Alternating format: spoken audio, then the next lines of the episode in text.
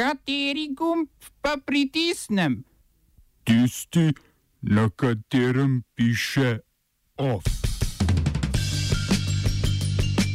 Evropska ljudska stranka kljub izgubam ostaja največja stranka v Evropskem parlamentu.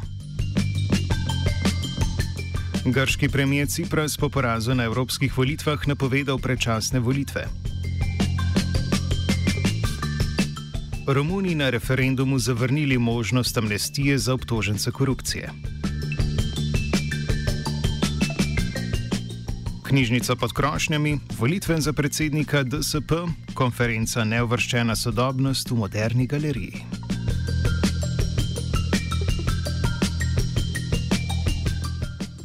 Na evropskih parlamentarnih volitvah je največ sedežev prejela Evropska ljudska stranka, ki bo imela 180 sedežev v 751 članskem parlamentu.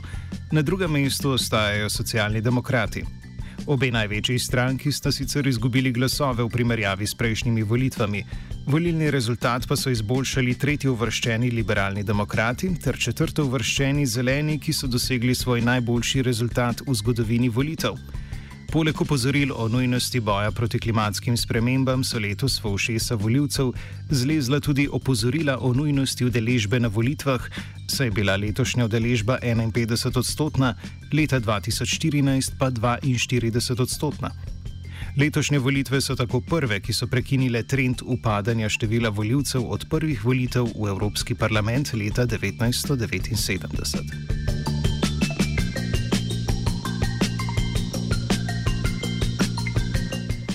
Slovenci smo izvolili predstavnike SDS in SLS, Romano Tomc, Milana Zvera in Franca Bogoviča, ter Tanjo Fajon in Milana Brgleza iz vrst socialdemokratov. Stranko LMŠ bosta zastopala Irena Joveva in Klemen Grošelj, Novo Slovenijo pa Ljudmila Novak.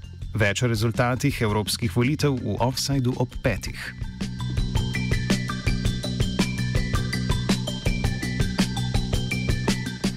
V Združenem kraljestvu, kjer je bila volilna udeležba za slavih 9 odstotkov boljša kot v Sloveniji, je z 31,6 odstotka glasov zmagala letos ustanovljena stranka Brexit Nigela Faragea.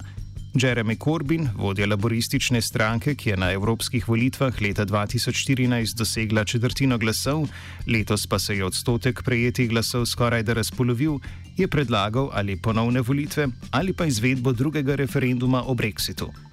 Še slabše od njegove stranke so se odrezali konzervativci, ki so prejeli slabih 9 odstotkov glasov.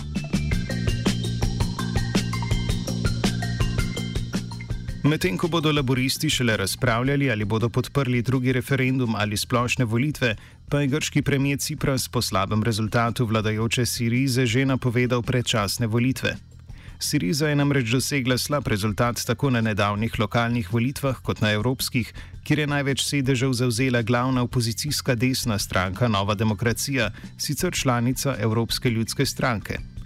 Na lokalnih volitvah je Siriza prav tako mnogo izgubila na račun nove demokracije, predvsem na severu države, kjer so opozicijsko stranko znatneje podprli zaradi njenega nasprotovanja Ciprasovemu dogovoru o imenu Severna Makedonija.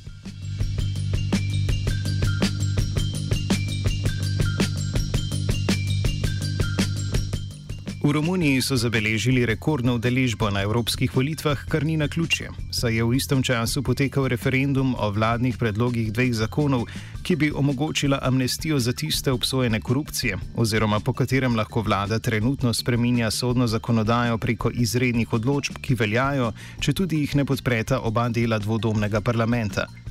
Nepresenetljivo sta bila oba predloga vladajočih socialnih demokratov zavrnjena, poraz pa so prav tako doživeli na evropskih parlamentarnih volitvah. Skoraj polovica glasov je pripadla opozicijskim strankam.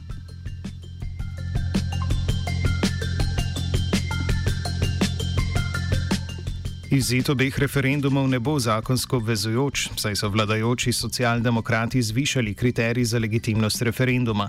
V preteklosti je bil referendum obvezujoč, če se je v volilni imenik prijavilo 30 odstotkov prebivalstva. Po novem pa mora od teh 30 odstotkov, ki se je prijavilo v imenik, vsaj 30 odstotkov še oditi na volišča. 5 odstotkov pa je izgubila tudi populacija prašičev v Vietnamu, kjer se je zaradi izbruha afriške prašiče kuge njihovo število zmanjšalo za 1,7 milijona. Zakol okuženih prašičev za meso je še vedno prisoten v tako imenovani svinski prestolnici Dong Nai, kjer bodo oblasti preganjale kmete, ki ne bodo pristali na izločitev svojih bolnih prašičev.